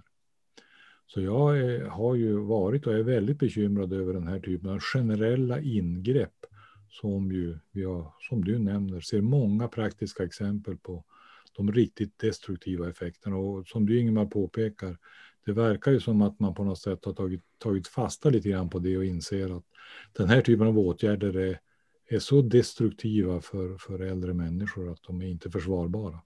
Det otäcka är ju att politikerna verkar ta över nu och vilja införa olika typer av besöksstopp. Ja, det är väl någon form av ambition att visa handlingskraft naturligtvis. Ja, det verkar ju, ja, det verkar ju lite grann så. Jag har faktiskt pratat både med smittskyddsläkare och med eh, infektionsläkare. Och de är ju helt eniga, alla tror ju att just besöksförbudet är inte den stora grejen. Nej. Och jag tror att inom äldreområdet så är vi nog, all, jag tror inte jag har träffat någon som tror att besöksförbudet har särskilt stor effekt. Nej. Ja, det har stora negativa effekter. Ja, det har stora negativa effekter. Ja, men, men det har inte att det har någon väldigt effekt små effekter, på, på, effekter på smittspridning. Ja, Ja. ja. Ja. Mm. Nej, men alltså, det finns ju mycket tecken på att vad heter det, till exempel depressioner har ökat. Det som är lite otäckt är att jag ibland hört från en del boende här att man tycker att de äldre har blivit så lugna sedan besöken, besöken upphörde. Och det är för mig som psykiater lite skrämmande för det jag misstänker är ju då att man kommit in i en apati eller en depression eller något sånt. Och, mycket, eh, mycket rimligt. va? Ja, och, eh, men man har ju även sett att personer, att demenssjukdomar försämras. Eh, När man inte träffar anhöriga, när man inte får den stimulansen som anhöriga ger som bara anhöriga kan ge. Sen ska vi komma ihåg det att på äldreboendena så har man ju samtidigt som besöksförbudet dragit ner på alla gruppaktiviteter för att minska smitta. Så att vad som har hänt är ju att, att vad heter aktiviteter överhuvudtaget har gått ner, vilket jag tror kan haft minst lika stor effekt på dödlighet som, som covid-19-pandemin har haft. Men För det här är för... Det här är ju väldigt intressant och det, jag har ett quote, eh, citat här från, jag tror det är du som har skrivit, om vi jämför med diskussionen kring munskydd så verkar det ju krävas oändligt många vetenskapliga belägg innan man ens kan överväga att ta beslut kring detta. Här beslutar de först och utreder sedan. Och, eh, Har jag sagt det? Det var väldigt klokt i så fall. ja, eh, jo då, det, det, Ja. det är du, jag, jag, kan dela Ja. skärmen här. Så. Nej, men det är helt lugnt. Ja, Jag, nej, jag litar på dig. Jag litar på dig. Och, Ja. och, och så står det, jag, ett annat citat här, det är från uh, Alltinget. Jag har tittat på underlagen från myndigheten och det håller inte måttet. Man blir ganska bedrövad. Det är nästan som ett studentarbete. Eh, men, men det här är ju lu- lustigt alltså. Så munskydd, vare sig de funkar eller inte så är det ju väldigt, väldigt litet ingrepp i folks vardag. Och här krävs det då en nästan bisarr liksom, evidensnivå för att man ska införa detta. Men det här med besöksförbudet då, finns det ju ingen evidens Jag, må, jag måste för. säga här att några av de här citaten du hade, till exempel, det, det har också med den här generella regeln på alla 70-plussare som jag var kritisk mot. Ja, och där jag- kom det, underlag, det kom det ett underlag i maj eh, från Folkhälsomyndigheten. Och det underlaget var ungefär som när man får ett första manus från en student som ska göra studentarbete på gymnasienivå eller något sånt där. Va? Och det tyckte jag var lite skrämmande att se för att det är ändå en, en statlig myndighet. Ja, och, och vad var ingreppet där de ville göra? Eller vad, vad var Nej, men det, var, det var, har ju varit så, sen pandemin började så pekade man ut 70-plussare som en speciell riskgrupp. Och man slog ihop alla som var på äldreboenden, som var i hemtjänst och så vidare. Men den stora dödligheten den drivs ju av de allra sköraste äldre, inte av 70-plussare som Sture, eller du är väl 70-plussare? Va? Ja, jo, jag är 70 Ja, det, utan den dödligheten drivs ju av de här allra sköraste som består av några hundratusen personer medan 70-plussare i sig är ju en grupp som består av 1,5 miljoner människor. Och Ja. det blev ju så att peka ut den gruppen tror jag dels var Dels var det helt fel och innebar att du fick en massa stigmata och du ökade alla fördomar om äldre människor. Men den andra grejen var ju att resten av befolkningen trodde att det var fritt fram bara man liksom höll, skyfflade undan 70-plussarna. Och när det, Tror jag. Ja. precis Ja. som du säger Ingemar, det tycker jag är ju det är anmärkningsvärt och upprörande att det är så utomordentligt dåligt underlag för det. Alltså man var inte ens uppmärksam på det du säger, att de som ju dör när de blir, får covid-19, det är ju framförallt de som redan sedan tidigare är ordentligt sjuka, inte för att de råkar ha en viss siffra i folkbokföringen. Jag menar, är du 65 år och har KOL, eller 50 år och har KOL och sen får covid-19, då är dödligheten riktigt hög. Men det, det var ju inte med i det här. Och precis som du säger Ingmar, alltså det här får ju starka effekter på stigmatisering av äldre. Det får starka effekter på äldres situation och förmåga och möjligheter till en fungerande social gemenskap som är destruktivt. Och det har också effekter på den här gruppens människor. Man minskar deras känsla av kontroll över sin situation. Andra säger åt dig att du får inte göra vissa saker och det är viktiga aspekter. Och det är bra att det i varje fall har kommit upp i den här diskussionen och som du Ingemar, ju, framförallt sista dagarna har visat siffror på att det är faktiskt så här man måste tänka. Och det är så här man måste resonera kring den här typen av ingrepp i befolkningen. Och då får man inte göra det med högst amatörmässigt underlag som du har visat att de hade. Hur, hur kommer det sig att man i, i, vissa, man kan göra väldigt stora ingrepp, ingrepp i folks liv, eh, då en, en grupp 70-plussarna här som ändå är en och en halv miljon, på, på, på skralt underlag och, och, och sen kan man inte göra petitessartade ingrepp i resten av befolkningens liv fast det finns bra underlag. Det, det låter ju väldigt bakvänt. Ja, inkompetens. Jag kan inte tänka mig annat. Oförmåga att inse det här. Dålig vetenskaplig skolning och kunskap och tillämpning av det. Tyvärr. Tyvärr. Ja, det var ord. Så, Nej, men, och det, var ju det, det var ju det, det här gänget som jag blev så bespottat med Fredrik Elg och gänget. De sa ju att, eh, kanske lite elakt, men det var ett stort gäng amatörer på Folkhälsomyndigheten okunniga tjänstemän och det är egentligen det du säger Ingmar också, även om du inte uttrycker det lika. Jag skulle inte vilja säga det så riktigt, men jag tror också att det var så mycket mediatryck att man inte hann tänka igenom alla saker. Men sen var ju väldigt mycket... Ska en myndighet som har ansvar för det här måste tåla ett, ett epidemi och måste tåla ett mediatryck utan att gå över till någon slags amatöragerande? Men, men jag tror också att det var väldigt mycket fördomar. Jag insåg ju liksom det att eh, vad heter det, jag är ungefär lika gammal som Johan Carlsson och Tegnell och flera av de här infektionsläkarna vid 60-årsåldern. Så de gick ju läkarutbildning samtidigt som mig. Mm. Och det jag har känt är att kunskapen om äldre har varit ungefär det man lärde sig när man gick läkarutbildning på 70-talet. Sen har det ju hänt fruktansvärt mycket mer. Vi har ju oerhört mycket mer kunskap om äldre. Men det känns som att väldigt många inom infektionsområdet överhuvudtaget levde kvar i en väldigt konstig syn på äldre. Och det ser man inte bara i Sverige utan det är även internationellt och det har väl också dragit med det här. Jag menar, även WHO har ju pratat om 70 plus som en riskgrupp. Ja, och inte tittat på det här att det faktiskt är människor på äldreboenden och de allra mm. sköraste. Ja, ja, ja nej, men så kan det vara. Och det är klart att jag menar, principiellt borde man ha gjort så här tycker jag istället. Satsa stenhårt på att, att hindra smittspridning till de här grupperna. Inte till en åldersgrupp, utan till de här grupperna. Det borde ha varit det primära. Och göra allt vad du kan för att hindra smittspridning. Allt ifrån munskydd, skyddsutrustning och vad det kan vara. Inte ja. generell regel. Det, det, det hade nog varit en fin föresats. Frågan är om den, eh, om jag får ge mig in i debatten eh, som matematiker här, om, om, om, om det är genomförbart. För det är ju jätteintressant den här... Okej, okay, så narrativet i våras var vi har misslyckats i äldrevården, vi har eh, misslyckats att skydda de här äldre. Och vad vi då, eh, Fredrik Elg och kompani, jag känner dem ganska bra för jag, jag, var en av dem som skrev på den här artikeln ni, ni nämnde.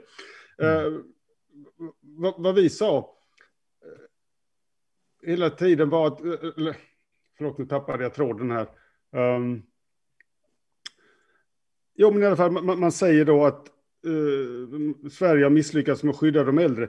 Men, men då tittar du på Norge så var det precis lika stor andel där som dog. Och vad vi, vad jag i alla fall hela tiden har sagt, med visst stöd i, i matematisk modeller för det här jag är intresserad med för epidemiologi, att du kan inte ha en stor smittspridning i samhället och, och, och, och tro att du ska kunna isolera några, några grupper, utan det, det, är en direkt konsekvens av att du har stor smittspridning i samhället. Så, så, så det, det är kanske inte direkt linjärt att du har 0,1 procent eller något sånt, men en fraktion av de som är smittade ute i samhället leder till dödsfall.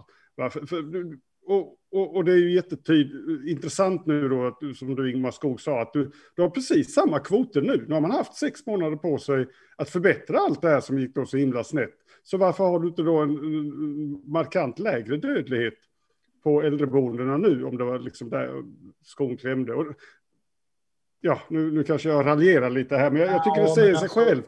Eh, har, har, du tio stycken personer som går in i ett rum och tar hand om någon på nära håll och, och, och smittan är ute på bygden, va? Så, så förr eller senare är det klart att den gamla får den. Det, det är ju inget konstigt, behöver man inte vara varken matematiker eller forskare för att fatta.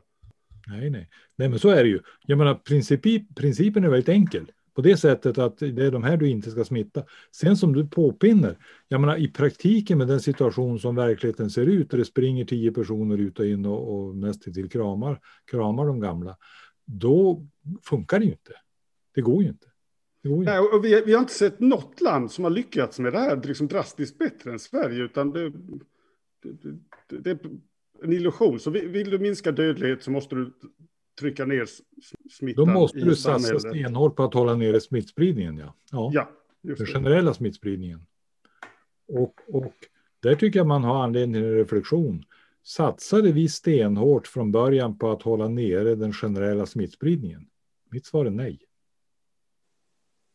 Vi fick budskapet skydda sjukvården, skydda sjukvården, se till att sjukvården inte blir överbelastad. Det var budskapet.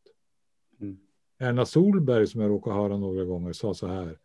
Vi satsar allt på att hindra smittspridning. Och det är principiellt två väldigt olika hållningar. Som var, de var tydliga i början, nu har man ju liksom modifierat det där en del, men det var väldigt tydligt från början. Vi satsar på att rädda sjukvården. Och vi satsar på att rädda de som är ansvariga för sjukvården. Vi satsar inte i första hand på att hindra smittspridningen i samhället. Det var ju budskapet i början, tyvärr. Jag tror i och för sig så är det väl så i de andra länderna också att det man är mest rädd för det är ju dels att sjukvården ska bli överbelastad och att, jo, jo. Och att vad heter det, man ska få ner dödstalen.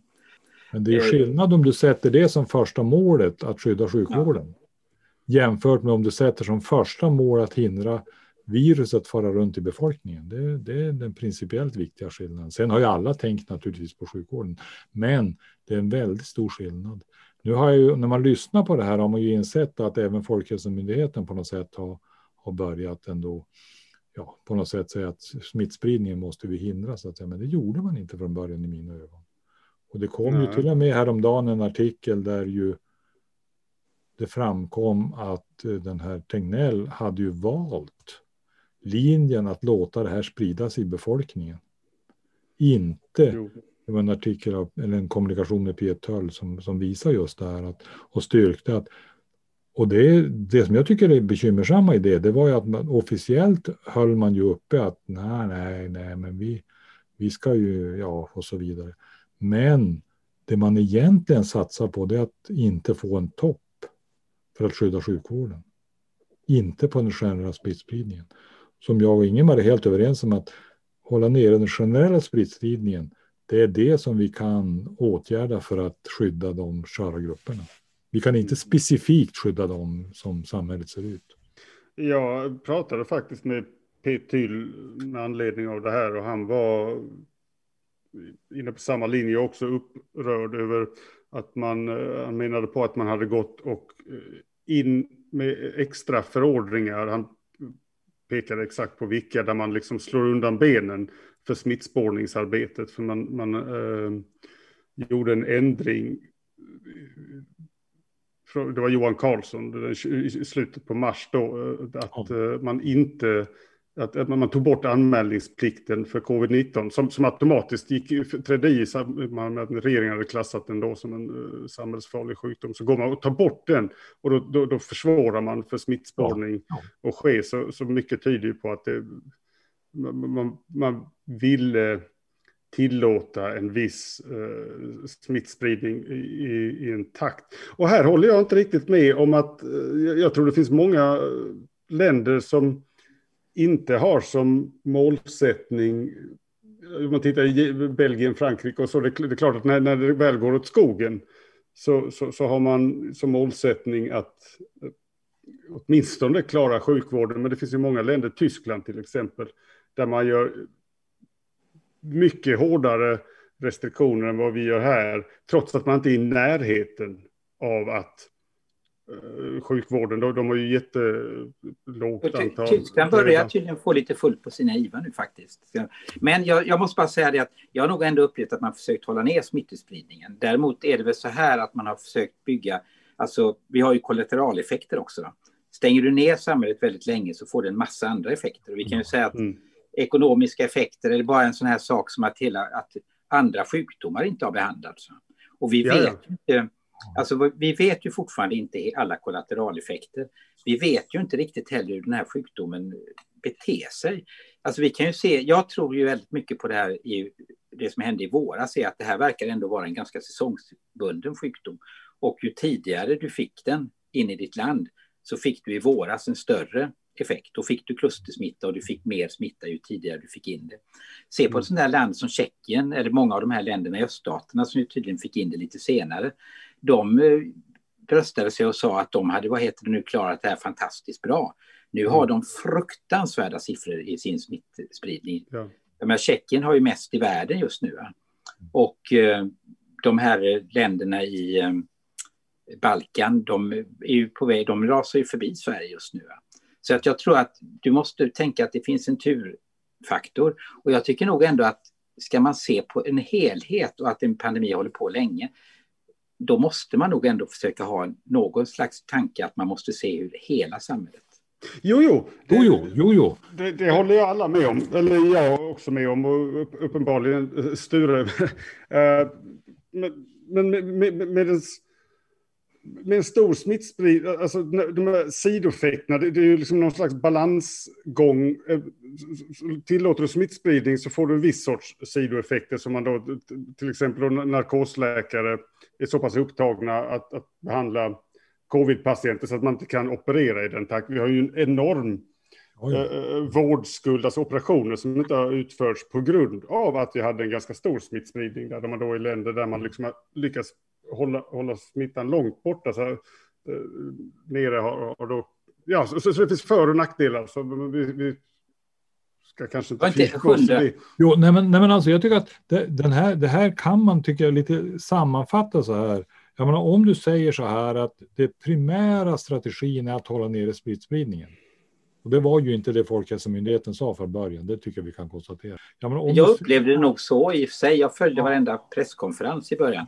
Ja. Eh, jag upplever nog ändå att det var så, men att man trodde inte man skulle kunna stoppa det totalt, men vi måste nej, få nej, ner nej, nej, det. Nej, men vänta, vänta, för att fortsätta. Jo, nej men alltså det, det, var, det var så att säga strategin. Sen kan man väl alltid fundera exakt och så vidare. Men har man fullföljt strategin att hålla nere den generella smittspridningen, då har man ju sagt så här. Testa, testa, testa. Smittspåra, smittspåra och isolera fallen. Då har man, då har man satsat där. Däremot är det ju så här det vi har diskuterat, jag menar stänga ner hela samhället eller sektorer och så vidare. Då har du ju väldigt kraftiga effekter på annat. Men däremot testa, isolera och smittspåra. Det har väldigt små effekter på annat, men det riktar sig ju mer direkt mot viruset. Så det är det jag säger med, med strategin och det var där vi i Sverige ju tycker jag inte var tillräckligt tydliga. Vi skulle ju inte testa till exempel och, och vi skulle inte smittspåra som du sa Ingemar och så vidare. Och så vidare. Och det är där jag menar det, det stora debaclet, man valde helt enkelt fel strategi. Och vi har, ja. sett, vi har sett priset. Vi har alltså ehm, väldigt mycket döda jämfört med Norge och Finland till exempel. Ja, jag vet. Och, det är, och framförallt tycker jag det är märkligt att vi har så mycket mer döda just nu. Alltså, dödligheten är högre i Sverige än i de andra nordiska länderna, med undantag för Island, som ja. nu plötsligt drar iväg. Alla pratar så mycket om Island förut, men nu drar de iväg. Ja, det, okay. Där är det också att väldigt få dödsfall får en jättestor betydelse ja, för det är så, Island är så Det är, Västerbotten, det är stort som Västerbotten. Ja, jag vet. Men eh, alltså jag tror det är mycket, det är väldigt mycket vi inte vet.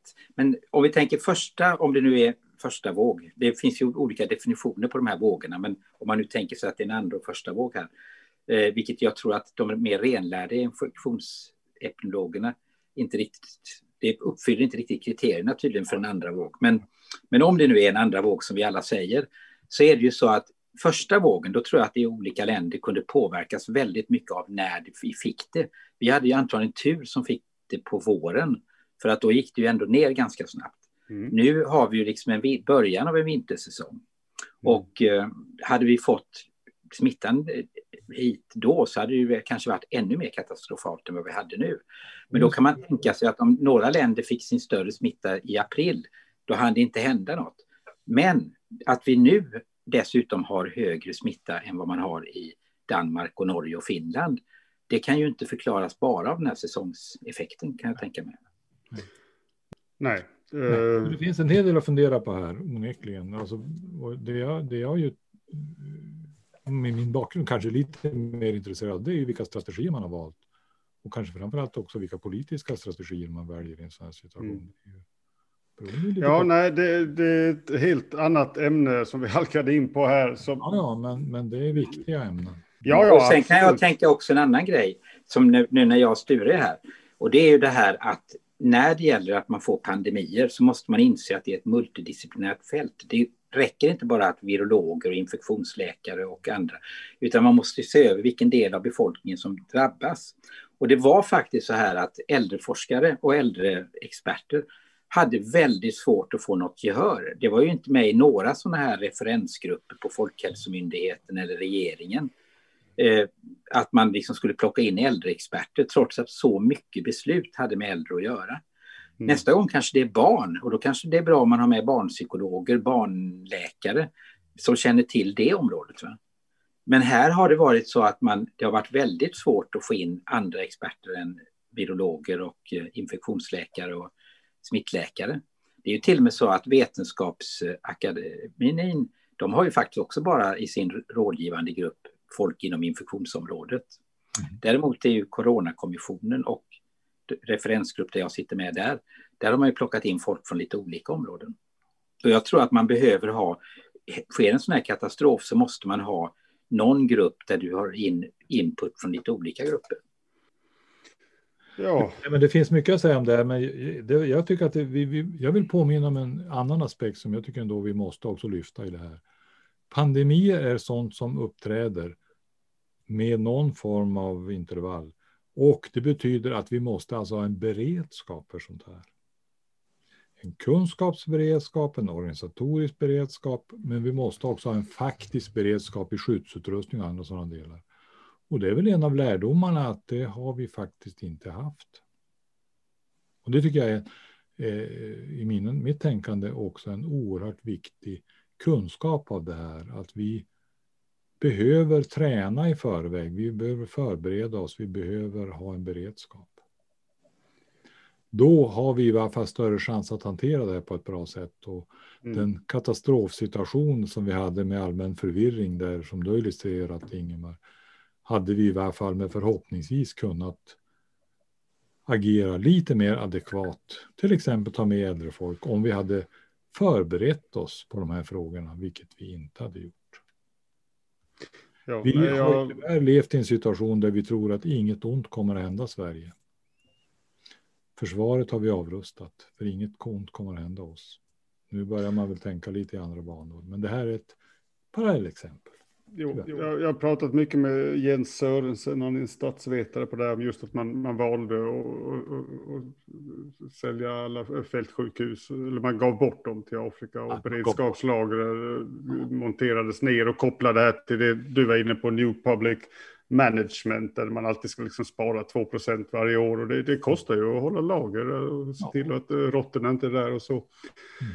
En, eh, jag instämmer i det här med att en tvärvetenskaplig ansats behövs. Det, det här sånt svårt, en pandemi, det, det affekterar så många alltså, olika delar av samhället, eh, eller forskningsgrenar, ekonomi och mm statsvetare, rättsvetare, matematiker, eh, utöver då virologer och så. Men då ska vi eh, börja närma oss slutet här, göra lite reklam för Vetenskapsforum. Covid-19 så, så är vi en sån grupp så vi har eh, breddar oss sakta också, men, men vi har väldigt mycket olika folk från olika discipliner och, och vi jobbar intensivt med eh, att, att, analysera pandemin och så. Så ni som har tittat på det här, ni får gärna bli medlemmar. Medlemmar behövs eh, jättemycket för att vi ska kunna fortsätta bedriva den här verksamheten och ni får också gärna donera pengar för det, det är så att eh, ja, som det ser ut nu så får vi lägga ner i januari på grund av bristande ekonomiskt underlag. Va? För att det, det alltså vi, vi jobbar gratis, vi som forskare här, men, men det krävs ju även administration i en sån här grupp och videoproduktion. Eh, det, det görs inte av sig självt. Så ni som har lyssnat på det här, om ni tyckte den här diskussionen var intressant, får ni jättegärna hjälpa oss att kunna fortsätta ha sådana här diskussioner. Uh, jättetack till Ingmar Skog och Sture Eriksson som var med här idag och bidrog med sin kunskap om, om äldre människor Eh, och vård i livets slutskede. Eh, ni får tillbaka ordet eh, för, för slutord eller sammanfattning eller vad ni, vad ni eller har ni någon sista, är det någon punkt ni tänker att jag har missat som vi borde liksom ha pratat mer om?